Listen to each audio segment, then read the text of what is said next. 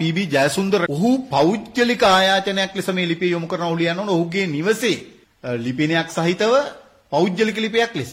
හැබැයි මෙය ඊටාම පැහැදිලිව රාජ්‍ය බලය අයුතු ලෙස යොදා ගනිමින් රාජ්‍ය බලය අවභාවිතා කරමින් තමයි මේ ලිපිය ලියලා තියෙන්නේ. පීබී ජයසුන්දරට විශේෂයෙන්ම අයිතියක් නැහැ මේ වගේ ලිපියක් ලියන්න.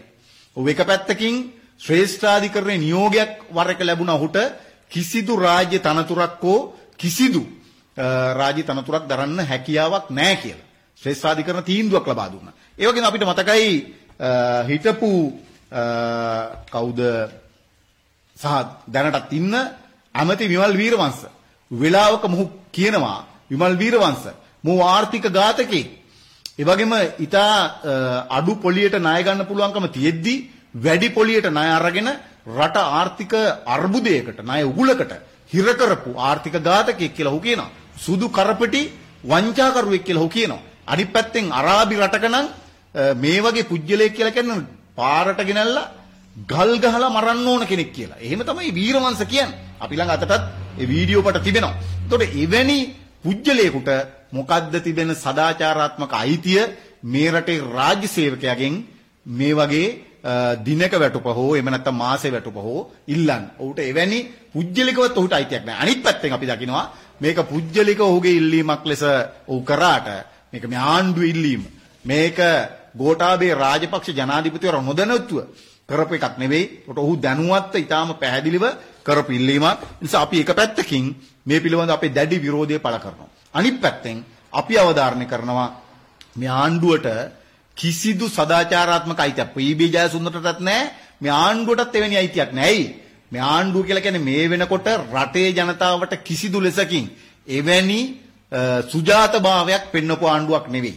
අපි දැක්ක පෞගි දවස්වල එළිදරව් වුණා කැබිනට් පත්‍රිකාවක් දාලා තිබෙනවා රාජ්‍ය ඇමතිවරු හිටපු රාජ්‍ය ඇමතිවරු ඒ වගේම හිටපු කතානායක ඒ වගේ හිටපු විපක්ෂ නායක මේ සියලු දෙනාට නිල නිවාස නිල වාහන ඉන්ධන දීමන ඇතුළුව ඒ පහසුකම් ලබා දෙන්න. එතකොට නිල වාහනය ලක්ෂ 3ක් 4ක් මාසික කුලියක් සාමාන්‍ය පිටින් ගත්තොත් මාසික කුලියක් ලක්ෂ 3කට වැඩිය ඉක්මවන වාහනයක් දෙනවා ලක්ෂයක් ගෙවන්න කියලා කියනවා ආණ්ඩුවට. ඒ කියන්නේ දැන් අර ජනතාවගෙන් මේක සාධාරණීකරණය කරගන්න ඒ ගන්න වාහනේට ලක්ෂයක් මාසිකව ගෙවන්න කියලා කියනවා. මැතිවරණේ දක්වා. එතකොට ඒ වගේම 240000කට වැඩිය ඉන්ධන දීමන දෙනවා.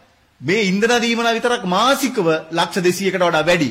ඒ වගේ හිටපු රාජ්‍ය ඇමතිවරුන්ට එවැනි සුඛ විහරණ එවැනි පහසුකම් දීපු ආණ්ඩුවක්. එතකොට මේ වාහන ටික දෙන්නේ මොකටද?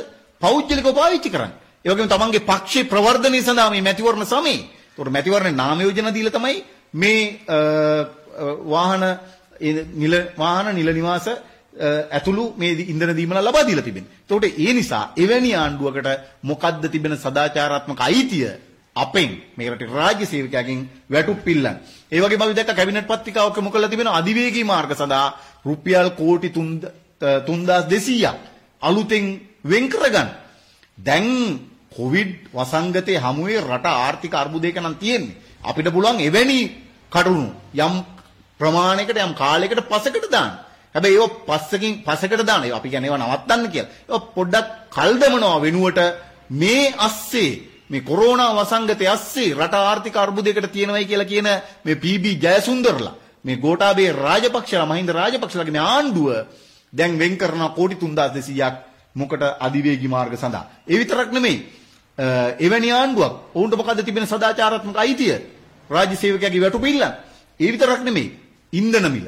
ඊටාම පැහැදිලිව ඩොලර් ඒ කියන්නේ බොරතෙල් බැරලයක් ඩොලර් 128කට තියේදී තමයි අද තියෙන මිලට ඉන්ධන ලබා දුන්නේ පෙට්‍රල් ඩීසල් ඇතුළු ඒ ඉන්ධන ලබා දුන්නේ. දැන් අද ඩොලර් 10ටත් වඩා අඩුයි ලෝක වෙළඳපොලේ මේ ඉන්ධන මිල බොරතෙල් බැරලයක මිල.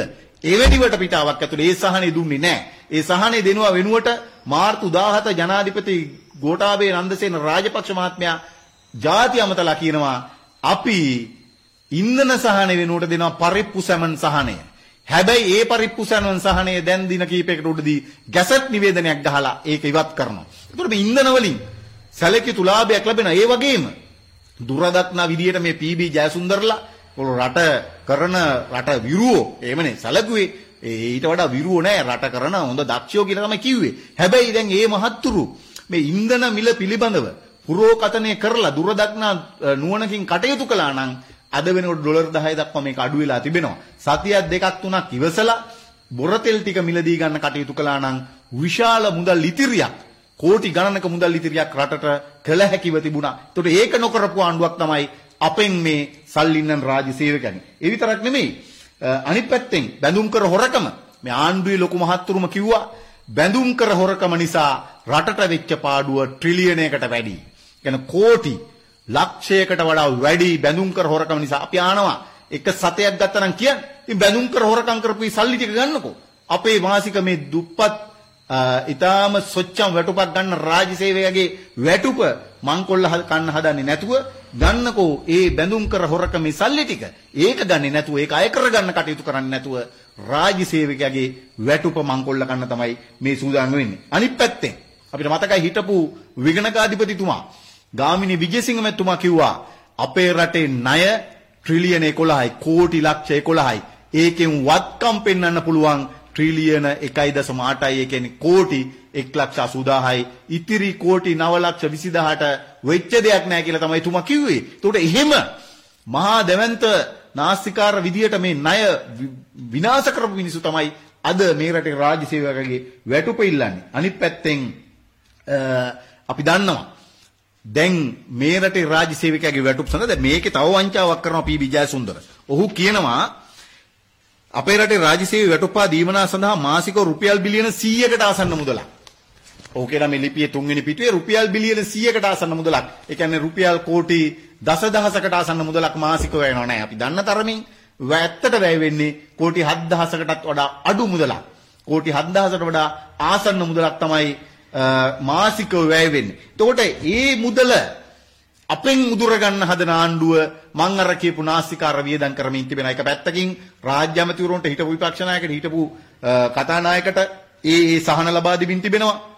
අනිත් පැත්තෙන් අධිවේගී මාර්ග සඳහා මුදල් වෙන් කරමින් තිබෙනවා. අර හොරකම් කරපු මහ බැංකු හොරුන්ට දඬුවම් කරන්නේ නැතුව ඒ වගේ මේ හොරකම් කරපු මුදල් ටික එකතු කරගන්නේ නැතුව ඒ පාඩුව ජනතාව මත පටවමින් තිබෙනවා. ඉන්ධන මිලේ අඩුවීමේ ඒ ඒ ලාභය ඒක හරහා ඒක රටට ලාභයක් කරගන්නව වෙනුවට රටේ රාජ්‍ය සේවකයන්ගේ මුදල් ටික මංකොල්ල කන්න වැටුප මංකොල්ල කන්න දැන් සූදානම් ඉන්න අය නිසා ඒක කිසිසේත්ම සාධාරණ යුක්ති සහගත ඉල්ලීමක් නෙවෙයි ආණ්ඩුව පැත්තෙන් ආණ්ඩුවට කිසිදු සදාචාරාත්මක අයිතියක් නැහැ. අනිත් පැත්තෙන් මේ රටේ රාජ්‍ය සේවක ඇතුළු රටේ ජනතාවට බරපතල ප්‍රශ්නයක් තියෙනවා. මොකද ඉතිහාසයේ මෙවැනි අරමුදල් වලට මොකද වුනේ? අපි දන්නවා සුනාමි වෙලාවේ සුනාමි අරමුදලක් හැදුනා. සුනාමි අරමුදලට මොකද උනේ කියලා මේ රටේ ජනතාව අදටත් දන්නේ නැහැ. ඒ වගේම අපිට මතකයි උතුරු සහ නැගෙනහිර පැවති ඒ තිරස්චීන යුද්ධෙන් පස්සේ ඒ ප්‍රදේශවල විශේෂයෙන්ම උතුරු දුම්රිය මාර්ගය ගොඩනැගීම සඳහා ලස්සන වදම් පෙළකුත් දාලා මුදල් එකතු කරා පාසල් දරුවන්ගෙන් පවා පාසල් ගුරුවරුන්ගේ රාජ්‍ය සේවකයන් මුදල් එකතු කරා ඒ අර මුදල් වලට මොකද උනේ ඒව ගැන විනිවිද භාවයක් නැහැ ඒව ගැන මොකද උනේ කියලා මේ වෙනකනුත් අද වෙනකමුත් රටේ ජනතාව දන්නේ ඒ නිසා මේ කොරෝනා වසංගතයට මුවා වෙලා එකතු කරන මේ හදන මේ අරමුදල් මේ එකතු කරන මුදල් සම්බන්ධෙමුත් රටේ ජනතාවට රාජ්‍ය සේවකට බරපතල සැකයක් තිබෙනවා. ඒ නිසා මේ රාජ්‍ය සේවකයේ මුදල් අය කිරීමට අපිට කිසිසේත් මේකක වෙන්න බෑ. ඒ විතරක් නෙමෙයි. අපි දන්නවා මේ වෙනකොටත් රාජ්‍ය සේවයේ රාජ්‍ය සේවකයා දැඩි අසිරුතාවකට පත් වෙලා තිබුණ රටේ අනිකුත් ජනතාව වගේම. මොහු කියනවා ඔවුන්ට ගමන් වියදම් නැහැ සහ අනිකුත් සමහර වියදම් නැහැ. ඒ නිසා මේක දෙන්න පුළුවන් කියලා. ඔවුන්ට ගමන් වියදම් නැති වුණාට අනිකුත් සමහර වියදම් මේ මොහොතේ නැති වෙලා තිබුණ නැති වුණාට ඔවුන්ට ජීවන වියදම ඉහළ ගිහිල්ලා තිබෙනවා. අද වෙනකොට උන්ට සමහරට සමහර තැන්වල අපි දැක්ක එළවලු මල්ල රුපියල් 250 එළවලු මල්ල මිලදී ගන්න වෙලා තිබෙන රුපියල් 500ට 850ට 1000ට මේ රටේ ප්‍රාදේශ සභා වලින්ම සමහර විට එවැනි අති විශාල ලාභ ලැබමින් ඒ වගේම මොවුන්ගේ හිතවත් දේශපාලකින්ගේ හිතවතුන් දේශපාලන හිංචයියන් විසින් කරනු ලබන මේ ජාවාරම්කාරී ව්‍යාපාරය නිසා දැඩි ජීවන දුෂ්කරතාවයකට උන්ට මුහුණ දෙන්න සිදු වෙලා තිබෙනවා. ඒ නිසා එවැනි වටපිටාවක කිසිසේත්ම ඔවුන්ට සදාචාරාත්මක අයිතියක් නැහැ රාජ්‍ය සේවකගේ වැටුප ඉල්ලන්න. ඒ විතරක් නෙමෙයි. අනිත් පැත්තෙන් පහුගිය කාලේ පුරාම අපි දන්නවා ඔවුන්ට දැන් මාර්තු අප්‍රේල් වල ණය සහන දෙනවා කියලා කිව්වා. ඒ ණය සහන බහුතරයක් රාජ්‍ය සේවකකට ලැබුණේ නැහැ. ඒතකොට ණය සහනත් ලැබිලත් නැහැ. ඒ වගේම අප්‍රේල් මාසයේ උත්සව අත්තිකාරම් දීමනා සිංහල සහ හින්දු අලුත් අවුරුදු පදනම් කරගෙන වෙන වර්ෂවල උත්සව අත්තිකාරම් දීමනාව දෙන. එතකොට ඒ දීමනාව ලබා දීලත් නැහැ. ණය සහන ලැබිලත් නැහැ. ඒ වගේම මේ ආණ්ඩුවේ ගෝඨාභය රාජපක්ෂ මහත්තයලගේ පක්ෂේ ගුරු සංගමයක් තමයි අද වෙනකොට අධ්‍යාපන සෝපකාර සමිතිය පාලනය කරමින් තිබෙන්නේ. ඒ අධ්‍යාපන සෝපකාර සමිතියේ මේ ආණ්ඩුවේ අධ්‍යක්ෂ මණ්ඩලයේ මහත්තුරු ටික අඩුම ගානේ ඒ සමිතියේ අප මාර්තු අප්‍රේල් මාසේ ණය වාරික අය කරගන්න එක නතර කරන්නත් ඔවුන් අසමත් වුණා. ඒ නිසා ඒ පැත්තෙන් මේ රටේ ගුරුවරු සහ විදුහල්පතිවරු ඇතුළු අධ්‍යාපන සොම්පකාර සමිතියේ රාජ්‍ය සේවකයෝ සමාජිකයෝලා ඉන්න රාජ්‍ය සේවකයෝ පීඩාවටපත් වෙලා තිබෙනවා. ඒ වගේම අනිකුත් දීමනා කිසිවක් නැහැ රාජ්‍ය සේවකට. ඕටී එක නැහැ සමහර ඕටී ගත්ත අයට. බටා එක නැහැ මේ කිසිවක් නැතුව තමයි අද වෙනකොට රාජ්‍ය සේවයේ නියලමින් ඉන්නේ. ඒ වගේම අප්‍රේල් මාසේ 8 හෝ 9 තමයි ඔවුන් වැටුප ගත්තේ අප්‍රේල් මාසේ සඳහා වැටුප.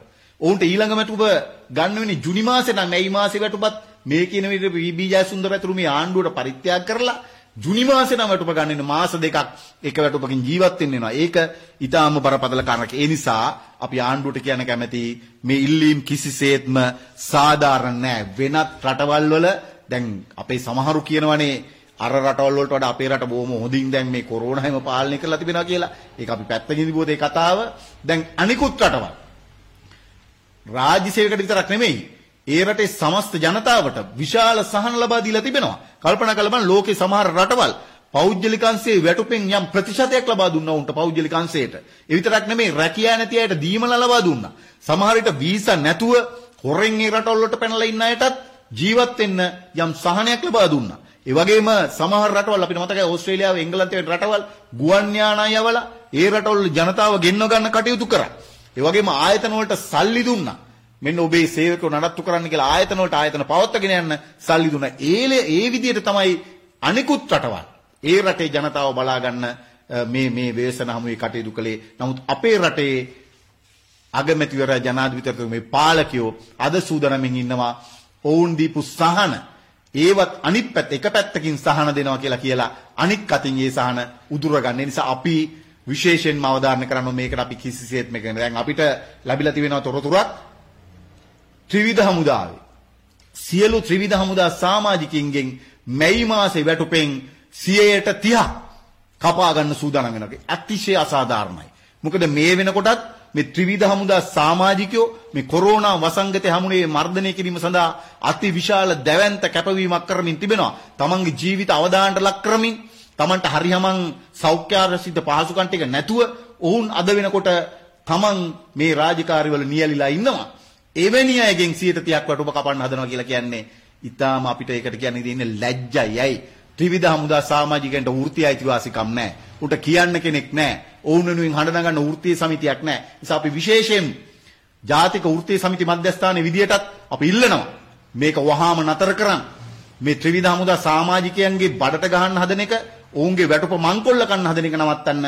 ඒ වගේම සමස්ත රාජ්‍ය සේවයේ මේ වැටුප් මංකොල්ල කන්න හදන එක නවත්තන්න. මොකද දැන් ආණ්ඩුව මේ දෙන නියෝග ඒ අයුරින්ම හිස්මුදුරින්ම පිළපදින්න සූදානම් වෙච්ච රාජ්‍ය සේවක තමයි සමහර රාජ්‍ය සේවයේ ඉහළ නිලධාරීන් තමයි ඉන්නේ. දැන් මේ මාස අතුව තිබෙන්නේ සබරගමුව පළාතේ පළාත් අධ්‍යක්ෂකවරයා විසින් යවන ලද ලිපියක්. ඒකට ඔහු යවනවා අර ලිපිය අනුගමනය කරමින් ඔහු ලිපියක් යවනවා සියලු පාසල් වලට සියලු විදුහල්පතිවරුන්ට සියලු කලාප කාර්යාල වලට මේ ආකාරයට ජූනි මාස වැටුපෙන් වැටුප් කපන්න කටයුතු කරන්න කියලා. අපි ඒ නිසා කියනවා විශේෂයෙන්ම ජනාධිපති ලේකම්වරයාට ජනාධිපතිවරයාට අගමැතිවරයා ඇතුළු මේ ආණ්ඩුවේ ආණ්ඩුවට අපි කියනවා වහාම මේක නතර කරගන්න. ඔහෙලගේ අනවශ්‍ය ඒ නාස්තිකාරී වියදම් ටික ඉස්සලා නතර කරන්න. රටේ ජනතාවට ඒ ආදර්ශය දෙන්න. කෝටි ගණන් කොල්ල කාපු දීපල තියෙනවා. ඒ දීපල ටික නැවත පවර්ලා දෙන්න. ඒ දේපල ටික වෙන්දේසි කරන්න. ඒව වෙන්දේසි කළා මුදල් ඕනේ නම් හොයාගන්න. එහෙම නැතුව රාජ්‍ය සේවකයාගේ බඩට ගහන්න සූදානම් වෙන්න එපා. මොකද අපි දන්නවා පහුගිය කාලේ පුරාම විශේෂයෙන්ම මේ කොරෝනා වසංගතේ ඉන්න කලින් මේ රටේ රාජ්‍ය සේවක ගුරුවරු විදුහල්පතිවරු තැපැල් සේවකයෝ දුම්රිය සේවකයෝ මේ ආදී හැම රාජ්‍ය සේවකයෙක්ම වැටුප් අරගලයක නියලිලා හිටියේ. උගේ වැටුප් විෂමතා ඉවත් කරන්න, උගේ වැටුප් වැඩි කරන්න, ඔවුන්ගේ දීමනා වැඩි කරන්න මේවා ප්‍රමාණවත් නැහැ. ඒවා වැඩි කර ගැනීම වෙනුවෙන් අරගලෙක හිටියේ වැටුප් විෂමතා ඉවත් කර ගැනීමෙන් අරගලෙක හිටියේ. එවැනි අරගලෙක හිටියේ Tamanට ලැබෙන සොච්චම් වැටුප ජීවත් වෙන්න ප්‍රමාණවත් නැති නිසා. නිසා ඒ සොච්චම් වැටුපත් මං කොල්ල කන්න හදනවනම් කොල්ල කන්න හදනවනම් ඒකට ඉඩ දෙන්න අපි සූදානම් නැහැ කියන පණිවිඩය ලබා දෙනවා. ඒ නිසා වහාම මේ ලිපිය හැරෙන තැපෑලෙන් අයින් කරගන්න කියන බලකිරීම අපි කරන්න කැමති මේ ලිපිය පී.බී. ජයසුන්දර මහත්තයාගේ මැයි පහ දිනැති දාතම සහිත මේ ලිපිය වහාම අයින් කරගන්න කටයුතු කරන්න. අනිත් පැත්තෙන් පෞද්ගලික ආයාචනයක් නම් මොකටද නීතිපතිවරයටයි විගණකාධිපතිවරයට මේක පිටපත් දාන්නේ? මේක පිටපත් උමු කරලා තියෙනවා විගණකාධිපතිට සහ නීතිපතිවරයට. ඒ කියන්නේ මේකේ නීත්‍යානුකූලභාවය, මේකේ බලහත්කාරය, මේ මුදල් විගණනයටත් කරන්න අවශ්‍ය කරන ඒ දැනුවත් කිරීම තමයි මේ ලිපිය හරහා සිදු කරලා තිබෙන්නේ. ඒ නිසා මේ ලිපියම එක පැත්තකින් නීති විරෝධී, එක සදාචාර විරෝධී සම ඉල්ලීමට අපි කිසිසේත්ම එකඟ නැහැ කියන එක අපි ජාතික වෘත්තීය සමිති මධ්‍යස්ථාන ලෙස ප්‍රකාශයට පත් කරනවා.